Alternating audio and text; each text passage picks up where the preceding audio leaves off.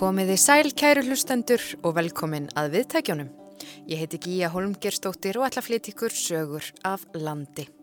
Í þessum þætti ferðumst við til Borganes og inn í Kjarnaskó. Og við byrjum í Borganesi þar sem við heimsóttum tvær konur sem að nýlega stopnuðu útfarastofu.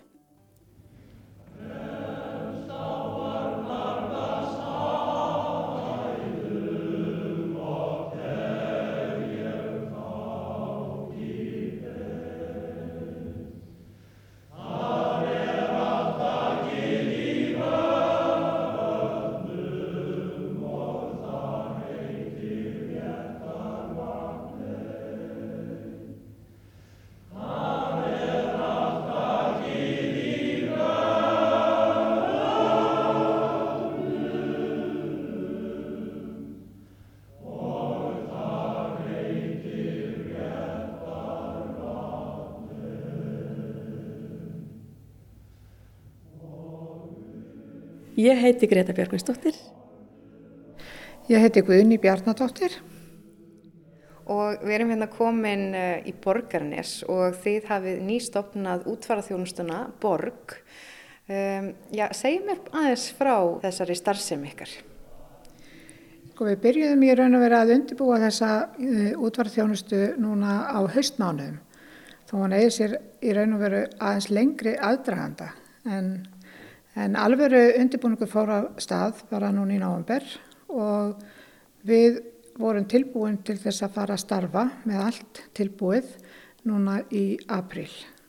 Og hvernig var að hefja starfsemina?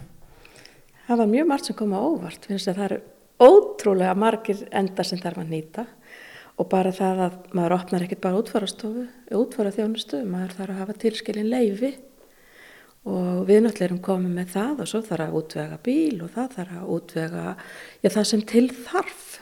Svo vil maður náttúrulega líta sómasamlega út líka fyrir fólki sem er að þjóna. Hver eru svona helstu verkefni á útfararstofum? Það eru kisturlagningar og það er, er útfaradagurinn sjálfur, það er samtöl við aðstandendur, utanumhald, sko hafandi mist einhvern sem að maður þykir einstaklega væntum að þá veit ég hvernig fólki getur liðið, ég man hvernig mér leið og það er svo mikilvægt að, að hafa einhverja samhið og skilning á liðin fólks og vilja gera hlutina bærilegri og betri þannig að maður getur litið aftur og sagt þetta var þrátt fyrir allt fallegur og góður dagur. Já.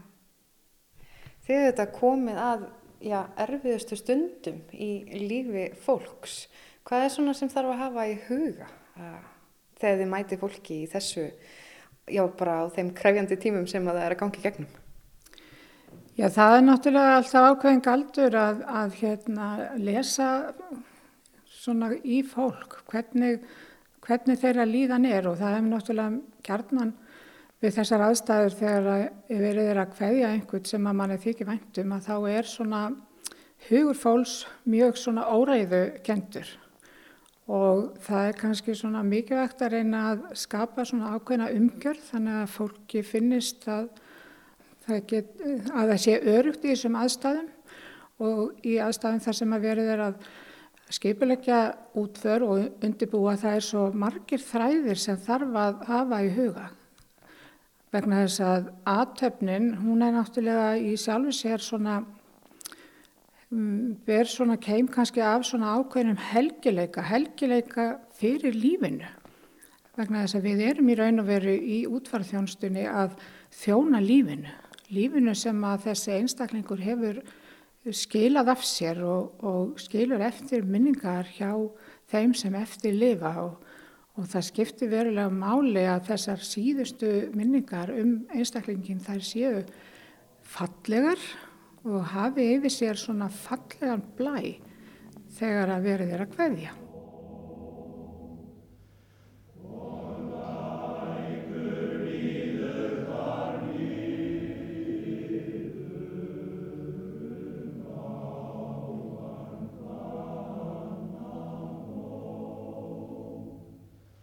Þetta er nú svolítið merkilegt sko, ég náttúrulega hef nú starfað við hinn enda lífsins þar sem ég hef, verið, sem ég er ljósmáður og hef nú verið að taka móti börnum.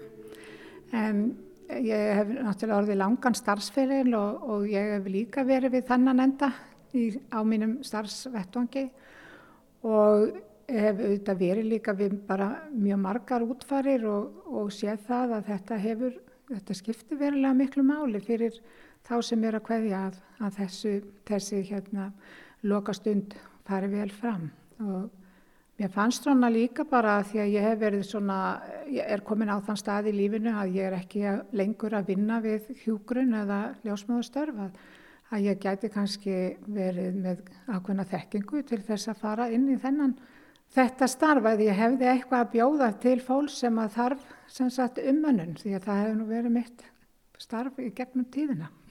Ég segi alltaf að ég hafi fyrst og fremst verið mamma. Það hefur verið svona mitt aðalstarfi gegnum tíðin og mér kærast að hafa komið börnunum mínum á legg og okkar og, og þau séu í dag orðin fullorðin og beri ábyrð á sínu lífi að því miðaði það uppeldi sem við gáfum þeim.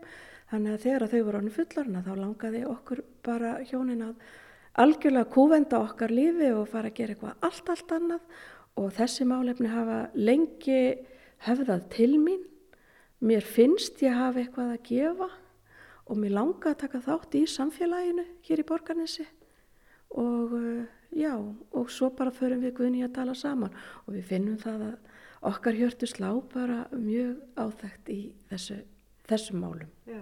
En segið mér aðeins uh, frá því hvernig þið kynnist og, og síðan þróast þetta yfir því að stopnið þetta uh, fyrirtæki saman.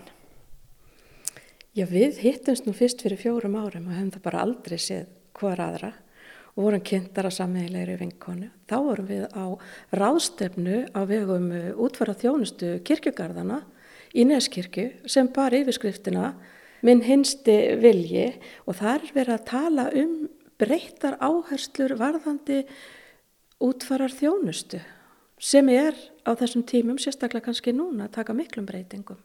Já. Muniði eftir stundinni þar sem þið sátuð eitthvað staðar, fengið ykkur kaffi og, og ákváðuð bara, já, látum verða af því, gerum þetta. Muniði eftir þessu mómenti, þessu andartæki?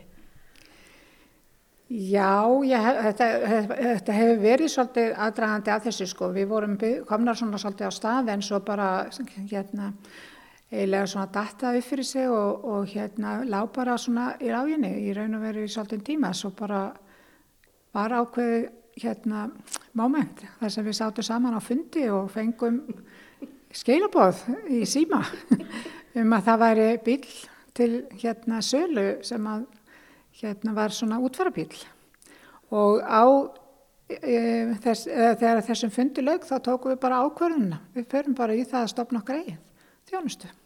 Og hver sendi þessi skeilaboð sem að greinilega breytta öllu? Það var þessi sameigilega vinkun okkar sem við hefðum kynnt okkur á sínum tíma. Þetta er greinilega hennar vilja að koma ykkur saman og að þetta sé núna orðið að veruleika þessi útvarastafan borg. Já. Já, þetta er sko, það er stundum eins og það sem skrifaði skíin það sem leikur fyrir mann að gera og, og okkur finnst þetta mjög góð ákvarðan. Okkur líður vel í okkar störfum, okkur líður vel í náist hvorar annarar og við bara erum svo tilbúinar í þetta. Mm -hmm. Já. En segið mér, uh, nú eru þið hérna með starfsem ykkar í Borganesi, eru þið hérna?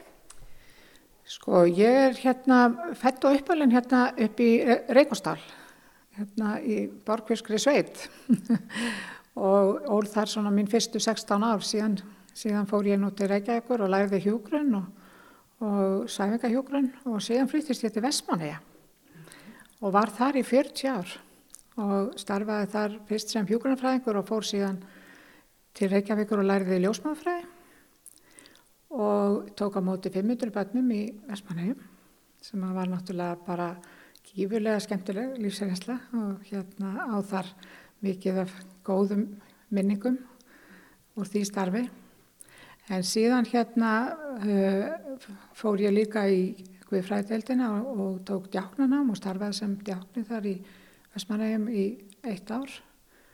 En svo endaði ég starfsæfina þarna í Vestmanægjum á því að vera framhanskólakennari og var að kenna hérna nefndum á sjúkralabröðinni.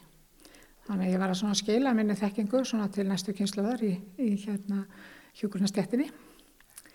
En síðan þegar að hérna voru tímamót hjá okkur hjónum og við svona starfslög þá ákvæmum við það að flytja upp á land eins og við segjum mm. í eigum. Og þá var það fyrir valinu að koma aftur svona á heimaslóðuna mínar. Þannig að ég tók vestmannhengin með mér sem alltaf hafi verið þar og hann er komin í borganes með sinni. Hvernig gekk hann á vestmannhengum upp á land? Var það ekki flókið? Já, það gekk bara ótrúlega vel og bara hérna, hann var tilbúin að koma. Eftir að ég var búin að vera með honum í 40 ári eigum og þá var hann tilbúin að pröfa. En þú, hvernig lág þín hinga í borganis? Vistu það, ég bara veit það ekki.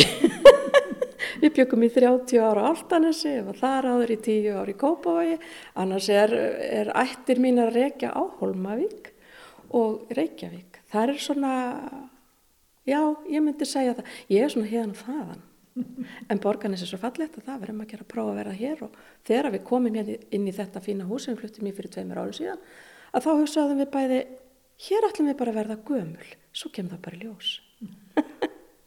Hafið þið fundið fyrir breyting á hvernig fólk svona lítur á sinn eigin dauða? Er fólk orðið skipulaðara eða, eða veit meira hvaða vill eða, eða upplýsir aðstandendur nánar um hvernig þau vilja hafa uh, svona sína hinstu hverju? Já, ég, er, ég get bara alveg tala bara fyrir sjálfa mig. Ég er búin að setja þetta niður fyrir mitt fólk og á ákveðinu skjali sem þau geta gengið í. Ég, mér hefur fundist það að, að þegar við erum að tala við aðstandendur að þá liggja oft fyrir óskir frá hinnum látna og það er mjög gott svona handrit til þess að fara eftir ég er alveg, alveg samfærið um það. Og þó sem að skrá eitthvað niður í dag að þá er ekki eins og það sé grift í stein en sem að getur alltaf grip, gripið í það og, og útvært og breytt og, og græjað og gert. En, en þetta er mjög gott held ég fyrir eftirlifendur. Hann kannski lætur vita hvert að hann vilji kyrþei eða meiri eða minni umgjörð eða hvert að hann vilji alls ekki blóm eða alls ekki ákveðin lögsungin eða já, bara svona þetta oft speklar líf fólks og uh, hvað segir maður og áherslir persónu, persónu viðkomandi hún kemur oft stert fram í þessu.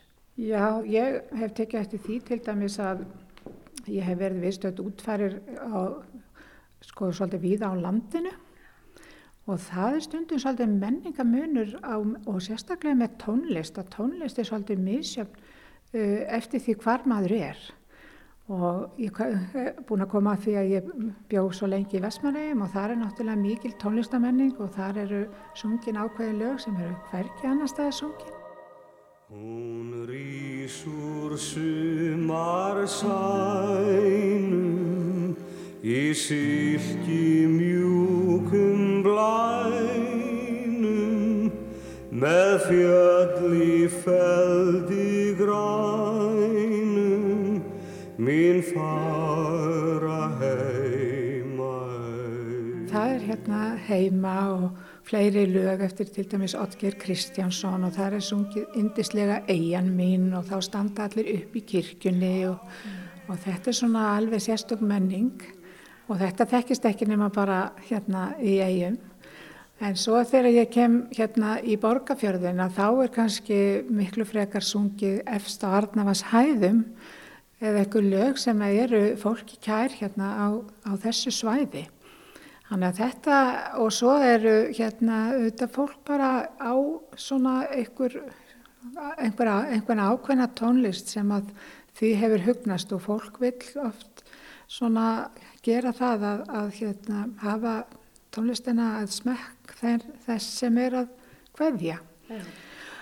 En svona auðvitað ritualið í þessum hefbundnu útförum er náttúrulega alltaf með ákveðnu sniði en útfærir náttúrulega í dag eru auðvitað líka þeim er stjórnaða fleirum heldur en bara þeim í kirkunni því að það eru auðvitað líka fleiri kirkudeildir og það eru vika þeir sem að vilja ekki sem sagt uh, uh, svona kristnar útvarir þannig að þetta er auðvitað, það, það er mikil fjölbreytileiki.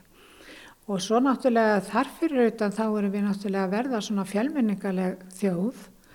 Og fólk auðvitað kemur og býr hér á Íslandi með, sem að hefur, er af alls konar trúabröðum og þetta náttúrulega skiptir máli að maður svona hafi þekkingu og kunni að þjóna fólki sem hefur annan menningarlegan bakgrunn.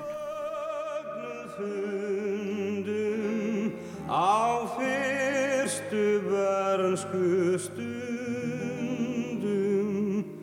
er sólinn hló á sund. Tölum við ekki nú opinskátt um dauðan? Hvað finnst ykkur um það?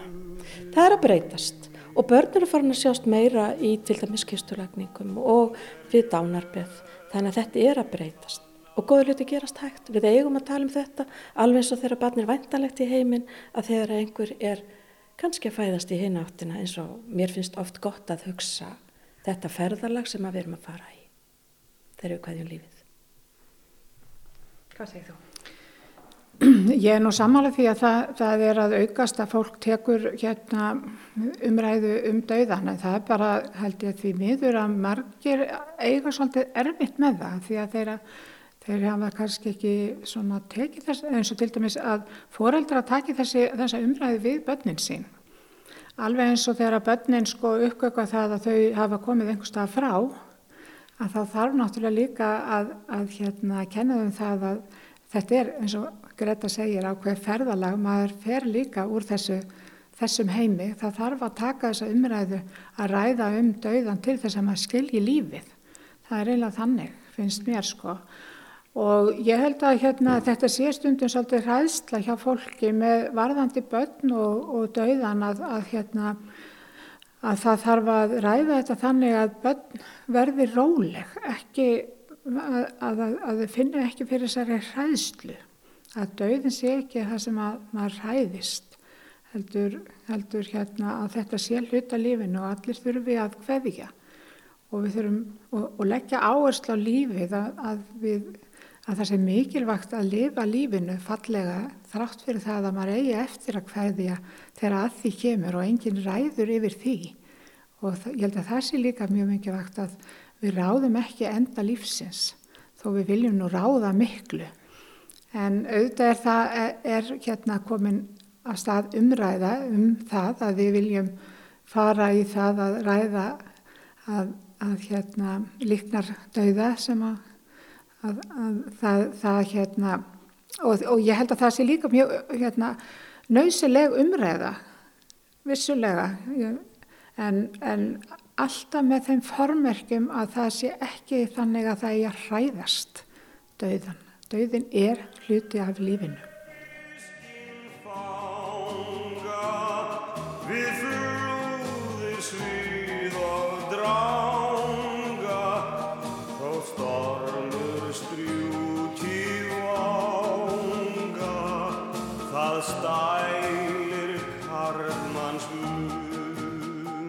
Takk kærlega fyrir að taka á móti mér og segja mér frá uh, eh, útvarðarþjónustunni Borg hér í Borganesi. Takk fyrir. Sumulegðist, takk fyrir að koma og bjóða okkur. Takk fyrir komina.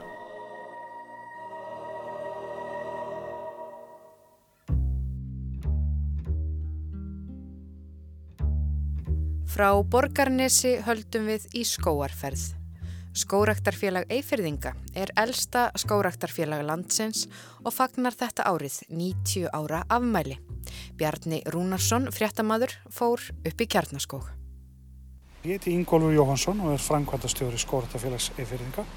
Ég heiti Pétur Haldursson og í stjórn Skóraktarfélags Eifirðinga. Félagið er náttúrulega bara búið að starfa krafti óslitið í 90 ár og hérna margt gerst á þeim tíma. Það var náttúrulega byrjað á því að friða byrkileifar í eigafyrði. Það var, svona, var ekki margi staðir þar sem var einhver skóur fyrir. Að það var farið hérna inn í Gassá í eigafyrðasveit og Leiningsóla og yfir í Vaðalaréttin hérna gengt Akureyri. Og svona reynda að bjarga því sem að bjargað varð. Fólki náttúrulega vildi hérna byggja upp betra Ísland og, og bjarga þessu öllu. Þetta verður svona ungmennafélagstandi á þessum árum? Já, já, algjörlega og svo náttúrulega í setni tíð þá er svo sem okkar höfum við farið að vinna bara í útvist og líðheilsu nýta skóan okkar í það og það náttúrulega tekur svona heilmikið á okkar starfsemi fer í að byggja það upp.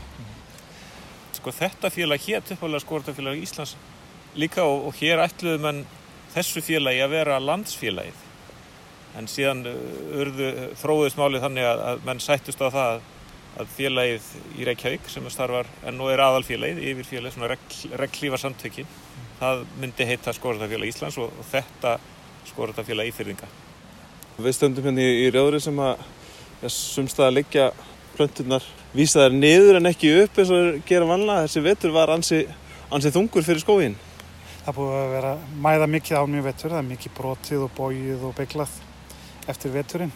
En það hefur skóri lendi í þessu áður og hann mun jafna sig.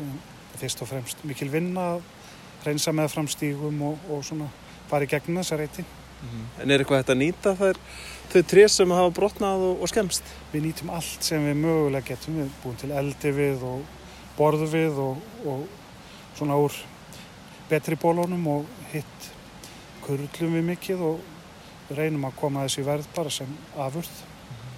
Trjábólir sem liggja í skóginum þeir gera líka gagn. Við erum nú með, með sveppafræðingi í stjórn skóratafélagsins sem er alltaf að segja okkur að já skiljiði nú eitthvað eftir í skóginum fyrir sveppina því að ringrási skóarins eru þannig að sveppinir brjóta niður skógin og þar með efnin sem eru í trjánum og þau nýtast þá uh, til uppbyggingar skóginum sjálfum sem næringarefni og, og uppbyggingarefni. Þannig að þegar fólk sér út í skógi liggjandi trjából þá að það ekki að bölsótast yfir því að þarna liggi drastl þarna er eitthvað sem er í ringrási skóarins og er gegni sínu hlutverki.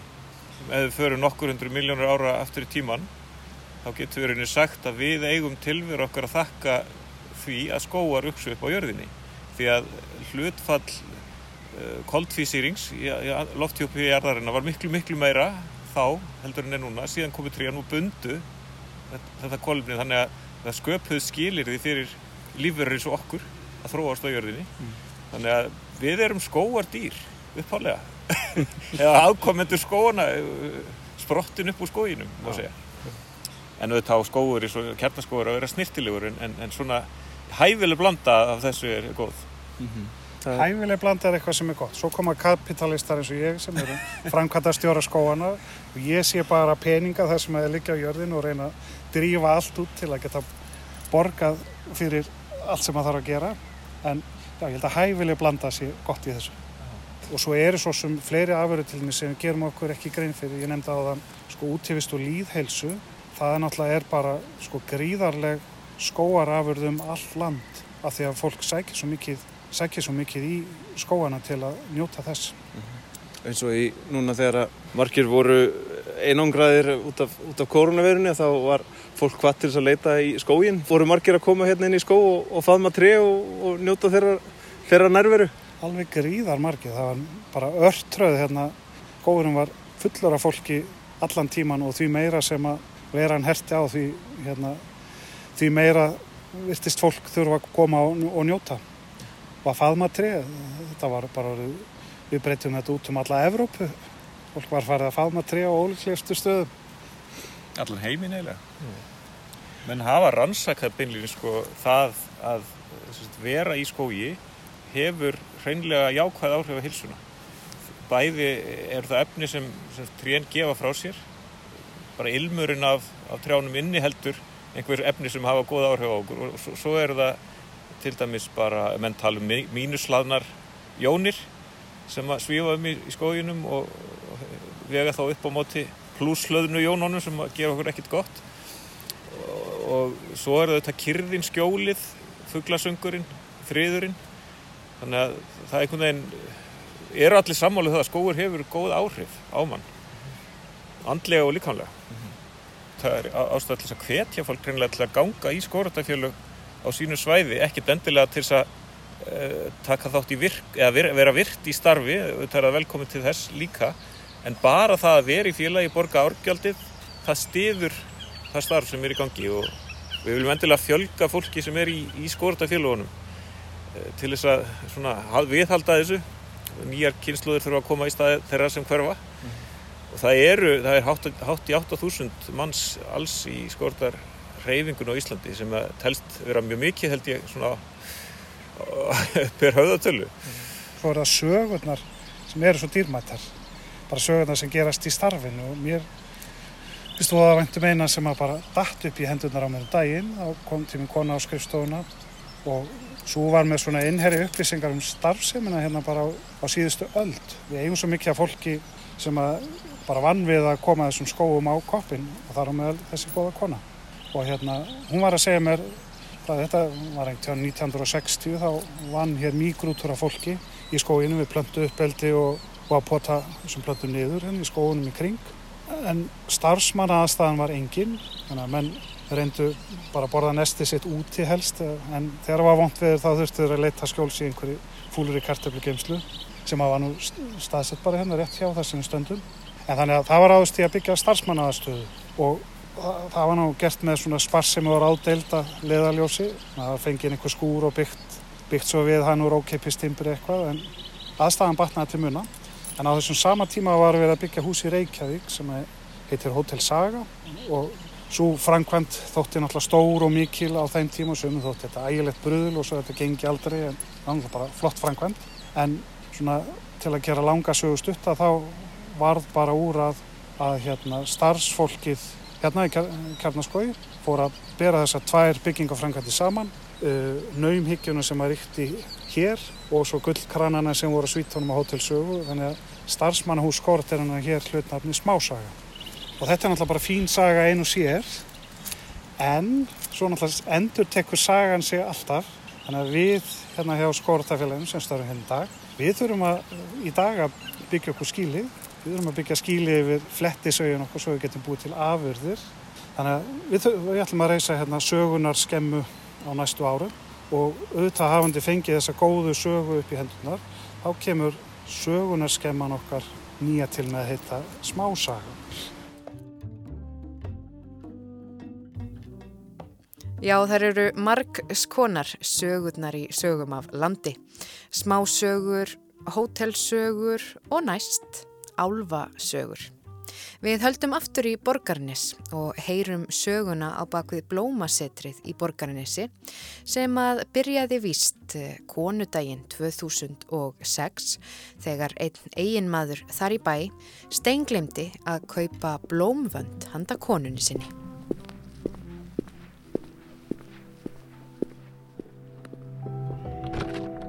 Halló, góðan daginn. Góðan dag, verður velkomin. Takk fyrir.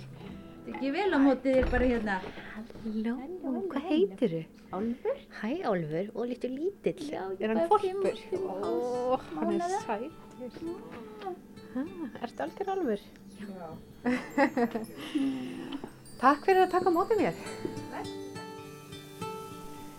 Nú er ég komin hér inn á mjög huggulegan og, og margbreytilegan stað í Borgarnesi. Hér er aðra grúi af alls konar munum og dóti og blómum og þetta er, sagt, þessi staður heitir Blómasetrið, kaffihúsið Kaffi Kyrð og hjá mig situr, já, sitja þau sem að standa að þessu. Má ég bara fá nöfnin ykkar? Hvað heitir þú? Ég heiti Svafa Víglinsdóttir. Unnsteinn Arason. Katrín Höld Bjarnadóttir. Og segja mér aðeins hvernig byrjuðu með Blómasetrið?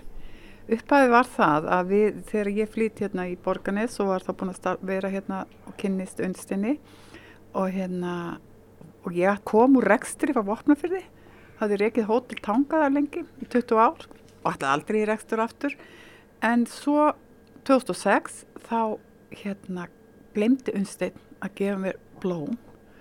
Og hann bara dreifi því og keipti heila blómabúð handa mér. Og þannig upphóst þessi rekstur á blómabúðinni. Og þá hétt hún áður Blómaborg, við vorum þá niður í staðnum sem að Netto er í dag. En svo gerist það bara einn góðan viður dag að við, ég sá þetta hús og mér fannst þetta svo fallit hús alltaf þegar ég kom í Borganes og ég fór eitthvað að grafast fyrir hvernig væri hægt að fá húsið.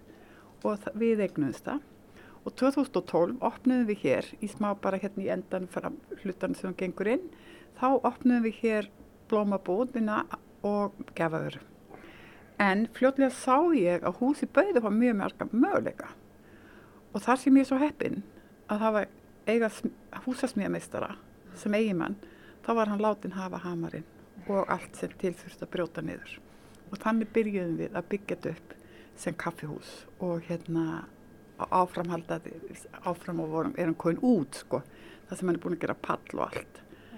Og við sáum mikla möguleik í húsinu og byrjuðum svo smá aðeins 2013 með gistingu, heimagistingu á efrihæðinni sem er heimil okkar en við notum að leiðum það út sem heimagistingu fyrir fólk og á hólunum var líka annað hús sem að við eignuðum 2017. Þannig í dag eigum við þennan litla fallega álfa hól með húsunum. Mér fannst þetta hús svo töfrandi og mér fannst það bjóða upp á svona einhverja ævintýri. Það heitlaði mig eitthvað, það voru einhver, einhverju ströymar sem dróð mig hingað inn og ég er, mér er fullulega ljóst að hér á þessum pól erum við með mjög mikla álfa á huldubið og sem við finnum fyrir og þeir eru hér með okkur. Og þetta var bara, mér fannst það ævintýra ljómi yfir þessu húsi. Ég veit ekki hvernig ég geta það, ég held að það hafi verið einhver svona austurlensk áhrif sem það hafði áhrif á mig. Í svona þessi stíl.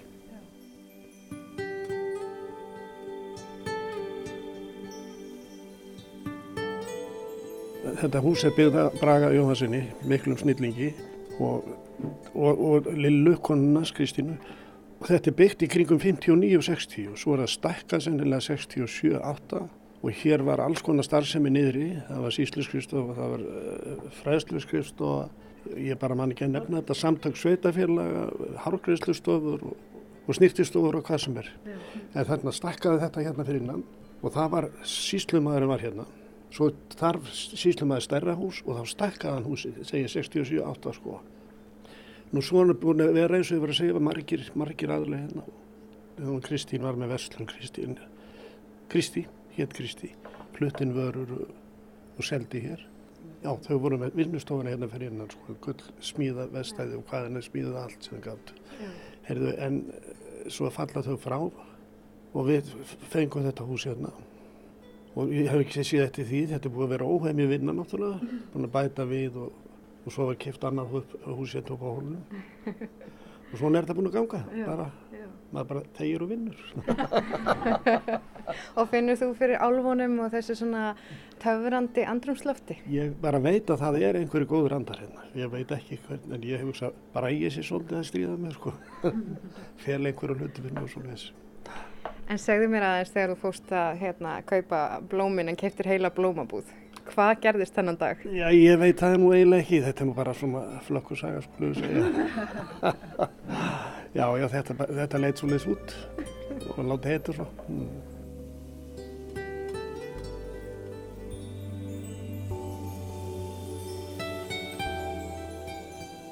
Ég er fætt á upp á Nóafnafyrði og eldst upp á Refstað og er bara að sveita stelpa og mjölka og raka og græðu að gera. Síðan fer ég í skóla á Eiðu og minn draumi var alltaf að verða hjúknokona. Ég heitlaði staði, ég var, var hérna, lág á sjúkruðsson og akkurýrum tíma og mér fannst hjúknokonu vera bara einhvað náttúrulega, bara englar og þetta var svona æsku þráin að verða hjúknokona. En, og ég byrjaði þar í, sagt, í bænum og endaði síðan í því að ég hérna slasaðist og gæti ekki farið í, í námið áfram en ég held áfram og fór þá í sjúkarleiða og var alltaf að vinna á sjúkarásum í bænum. Þegar ég var tvítug þá var vinnur hans pappa, hann var pappa mömmu, hann var hérna 50 á þessu ári og ég tvítug og við vorum einu sem ég var stött heima hjá honum og, og mömmu að hérna að hann segi við mig yfir kvöldkaffi Svafa, þú eru 20 í ár 30. mass og ég verð 50 20. Viltu koma með mig til Thailands? Ég horfði á hann og sagði já, já. Ég vissi þá ekki einu sinni hvað Thailand var. Ég segi ykkur alveg eins og er. En úr var að ég þáði ammaliðskjöfuna og hún, við fórum til hófumanna í London, flugum það frá Keflavík til London, París, Thailands, Indlands, Ítalíu og Danmörkur og heim. Og þetta var 1975 og við, ég heyrði aldrei íslensku talaða af neinum nema við okkar á milli. Þanga til nóttina nei morgunin sem ég hérna, fór í morgumat í Danmörk og var alveg leiðinni heim. Og það var ekki tætt að ringja eða senda SMS eða skrifa, maður sendi kort og þau voru að koma á eftirmanni þegar maður var komin heim. Þessi ferð mótaði mig til lífstíðar. Og hérna dvölin í Tæland og Indlandi hafði geysilega áhrif á mig andlega. Og ég hef bara mótaði líf mitt og þú kannski finnur það þegar þú kemur hérna inn á þenn stað.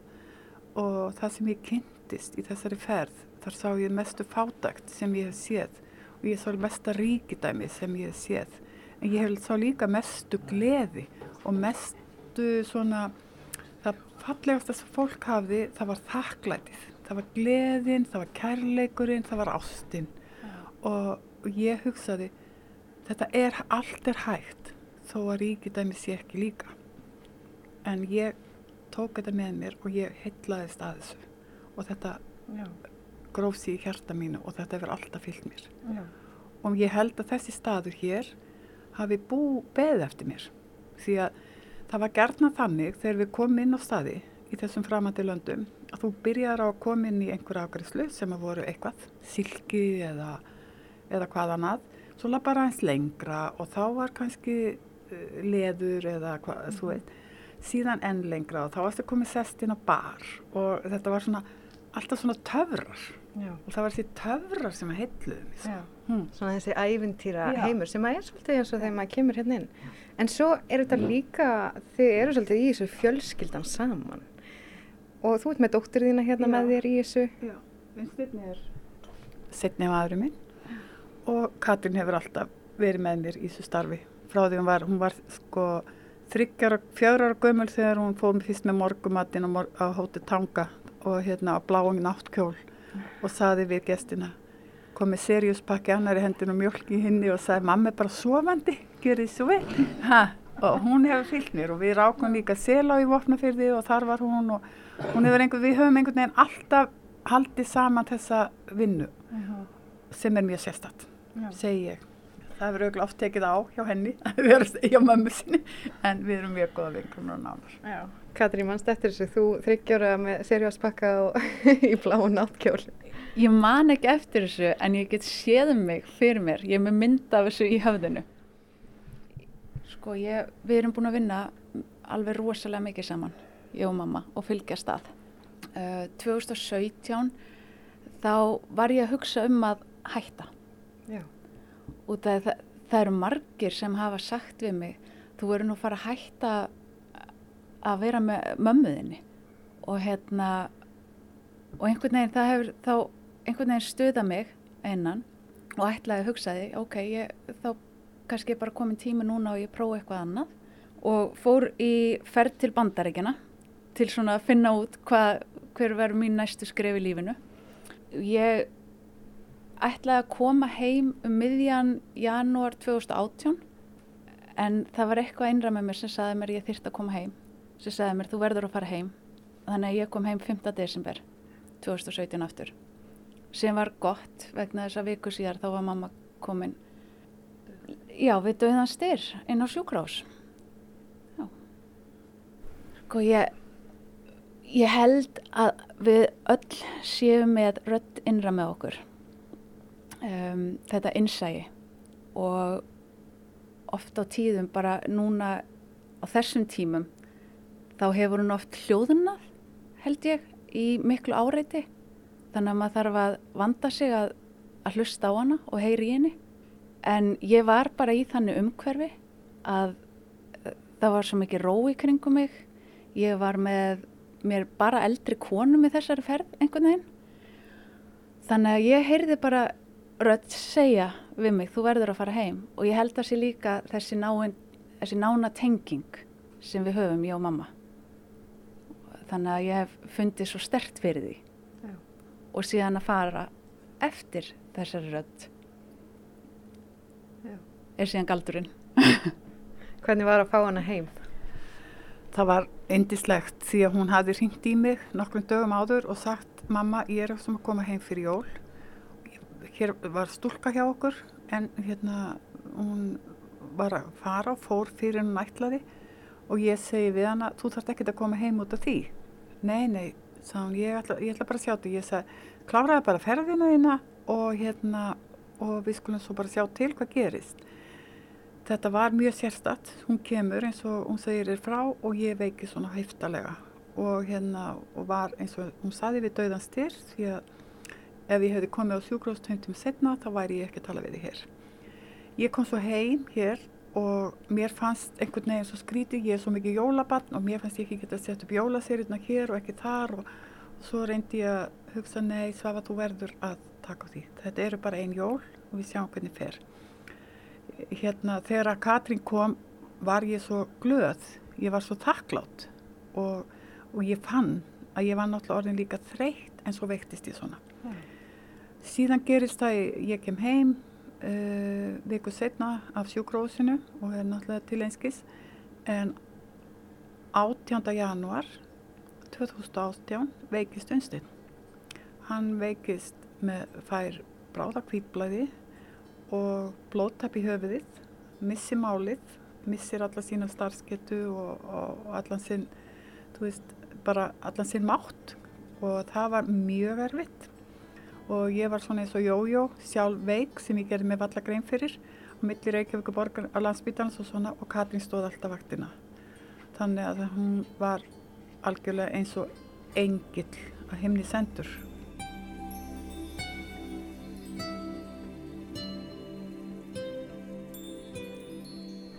Það eru, það eru rosalega margir búin að segja við mig, ég gæti þetta aldrei. Ég gæti ekki verið svona mikið með mömmu minni. En þegar ég kom aftur og þegar maður finnur, ég, ég ætla að vera hér, þá sé ég blessunna í þessu. Veist, að fá að verja svona miklum tíma með fóreldri sínum, ganga bara lífsins veg, saman og hérna, já, þetta er blessun.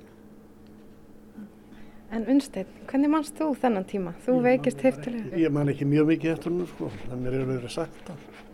En þetta var, ég, ég ætla bara að taka það fram að þetta var alveg óskaplega góð, ég bara starfsfólki þannig að þetta var alveg sérstak. Allur viðurgerningu, það var hvað sem er gert fyrir, fyrir mig, sko. Það var eins og ég er bara einn af sjúkur, en það var nú ekki, þær voru alveg reynd dásamlega þessar konur og menn. Og hvernig var svo framhaldið? Já, þið vitið það nú kannski betur. Ég, ég fekk nú málið aftur. Ég, ég þurfti svo mikið að tala, sko. Og hérna, þetta tók einlega, var ég ekki tvo mánuði, eða á þriðja mánu sem ég var að með þarna. Hann var á sjúkrósinu frá 18. janúar og, og hans lifja með hérna, meðhöndun lauk í mæ. Og það er uh, bara kraftaverk að hann skildi hafa, þessa, hafa þessi veikindi af og við eigum náttúrulega mikið af fólki og hann var inn í mörgum bænaringum og einn vinnur okkar sagði þú fegst annar líf, þér var sleft í gegn og þú vist annar líf og ég, við erum afar þakklátt fyrir það. Þetta var svo sem ekki döðveld sko, manni leittist þarna, eða ekki leittist, þetta var bara, maður, bara gerði eins og manni var sagt, það var bara einfallega það. Og bara eindislegur konur sem voru þarna og hugsaði ekkert um mig.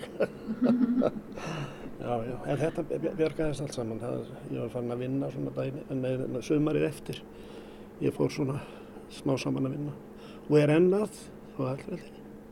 Og hvað erstu svona mest að fást við núna? Ég er nú hérna að laga til í gardinum og við vorum að breyta hérna búðinni alveg þetta kom maður með okkur, með, með okkur í Reykjavík-vinnur okkar. Það breytum hérna, ég held að það tekið þrjá manniði, nei, segi þrjár vikur. Og maður fór að fæta um klukkan 8 og vann til halv 7 þá var kvöldmættur fyrir ettir og svo bara sofa. Já, ég, þetta tók mjög öll allt, já, já. Hvernig er að gefa svona mikla vinnu og mikið hjarta í svona stað? Nú, ég veit ekki hvað að segja. Þetta var náttúrulega búið að byggja þetta hús áður það skal ekki fram. En við höfum breytt hérna mjög miklu kom bara með timburbunga hérna inn á óhefluðu timbri klættum vekkina Mm. Þetta var ótrúlegt, þetta var bara ótrúlegt. Og svo var að brjóta hérna líka fyrir innan og opna. Ég frekk nú engast sérstakar þakkir fyrir það, það er reykið allt sem að kom þar.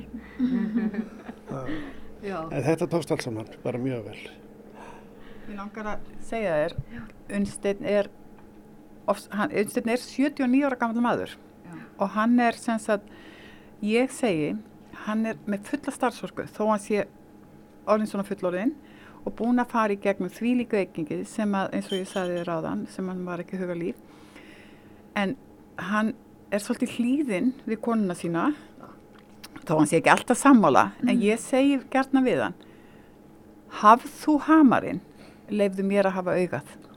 Ha, þannig að það er svona þetta, þetta er svona mottoið sko hann hefur ekkert allt og hann hefur ekkert alltaf fundist ég öruglega auðveld.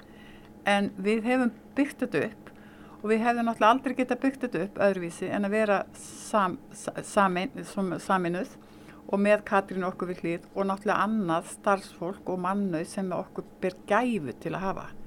Og hérna Katrín er náttúrulega bara líka höfuð fyrirtækisins og ég er mjög þakklátt að hann hafi skulið hafa fundið, fundið sig þegar hann fór út og fann að hann langaði að vera og byggja fyrirtæki með okkur. Og hún því með okkur í dag og við stefnum hátt og við eigum drauma sem við ætlum að láta að rætast áfram, ég segir hann kannski setna og eftir.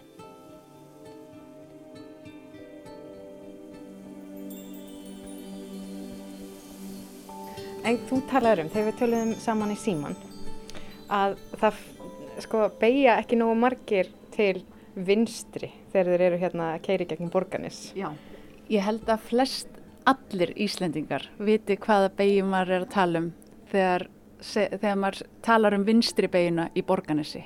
Og allir þeir sem ég hef hitt hérna inni, Íslendingar, það kemur þeim svo mikið á óvart hvað borganissi fallið og bær þegar þau taka vinstri beigina og það hefur upp á svo mikið að bjóða söpn og veitingastadir og fugglalíf við erum svona í endabæjarins og ég er komið sérstakann stað hérna í gardinum sem ég heitir núna Kvötuklöpp vegna þess að þar fer ég bara og sest niður og hugleiði og horfa á fugglana og það er, það er kyrð hérna, það er kyrð og ró. Ég held að það finni flestir sem koma hingað Svo svolítið svona sérstök náttúrun einna, það er mikið af Klettum. ja, klettarnir Já. og þetta er einhvern veginn út í sjónum Já. eiginlega og, og, og svo er þetta magnaða fjall, hafnafjalli beint hérna á móti. Þetta Já. er svolítið tilkomið mikið. Já, alveg einstakt Hefur aldrei farið upp á hafnafjalli? Ég hef aldrei farið. Ég ætla að fljúa með þyrlengu til svona sömu hæð. Já, Þa, það er draumurinn. Ja, mitt, mitt. ég var að byrja að vinna í því þegar ég var 75 ára kannski tekst mér að á næsta ári þegar maður er áttaraður að koma um upp á toppinu hafnafjalli í þyrlu.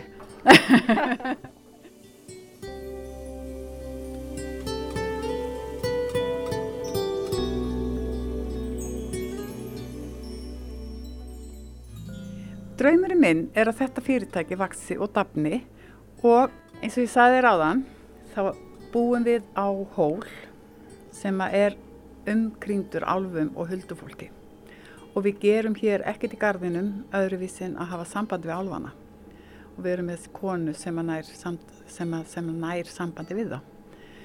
Stóri draumurinn er að gera álfasetur í gardinum þar sem við langar að opna með tveimur svona fallegum svepptunum og fallegu leiksvæði fyrir börn. En COVID hefur náttúrulega stoppað ímislegt og við munum ekki gera það í ár. En þetta er draumurinn sem að ég segi að mér langar að gera áður en ég hætti í svona framkvæmdu. Ég veit ekki hvað maður mér segir við því núna en hann, er, hann á ekkert að hafa hamarinn þar endilega því þetta kemur á öðrum stöðum. Þannig Já, að vinnan kemur frá álfunum. Já, þannig að þetta er stóri draumurinn okkar og hversu indislegt væri að geta sagt hefur gist í álfa seturinn í borganesi hvað myndur vilja meira ha, þar sem ég langar að fá að hafa fallet setur þar sem börn geta komið og hlustað á álfasögur og foreldra komið með þau og segja þeim og, og að þau læri að virða náttúruna sína í kringum þetta, þetta þessa álfa okkar sem við vitum að Ísland býr yfir. Við búum í, í landi sem við eigum vættir sem við, okkur ber að virða. Takk fyrir, það er búið að vera indislegt að koma í kaffi til ykkar og finna fyrir þessum svona krafti og, og já, þessum töfrum sem að búa hérna á blómaseiturinn í Borgarnesi á kaffi kyrð. Takka þér fyrir að koma til okkar. Hjartanstakir Þarna heyrðum við í Svöfu Viglundsdóttur, Unsteini Arasinni og Katrínu Huld Bjarnadóttur, eigandum Blómasetursins í Borganesi, Kaffi Kyrð. Og í þættinum var auk þess rætt við Pétur Haldórsson og Ingolf Jóhansson hjá Skórattarfélagi Eifirðinga og þær Guðnýju Bjarnadóttur og Gretu Björgvinnsdóttur hjá henni nýstofnuðu útfarastofu Borg í Borgarnesi. Og þar með er komið að lokum í sögum af landi í dag. Tæknimaður í þessum þætti var Einar Sigursson. Við þakkum þeim sem hlýtu. Lifið heil.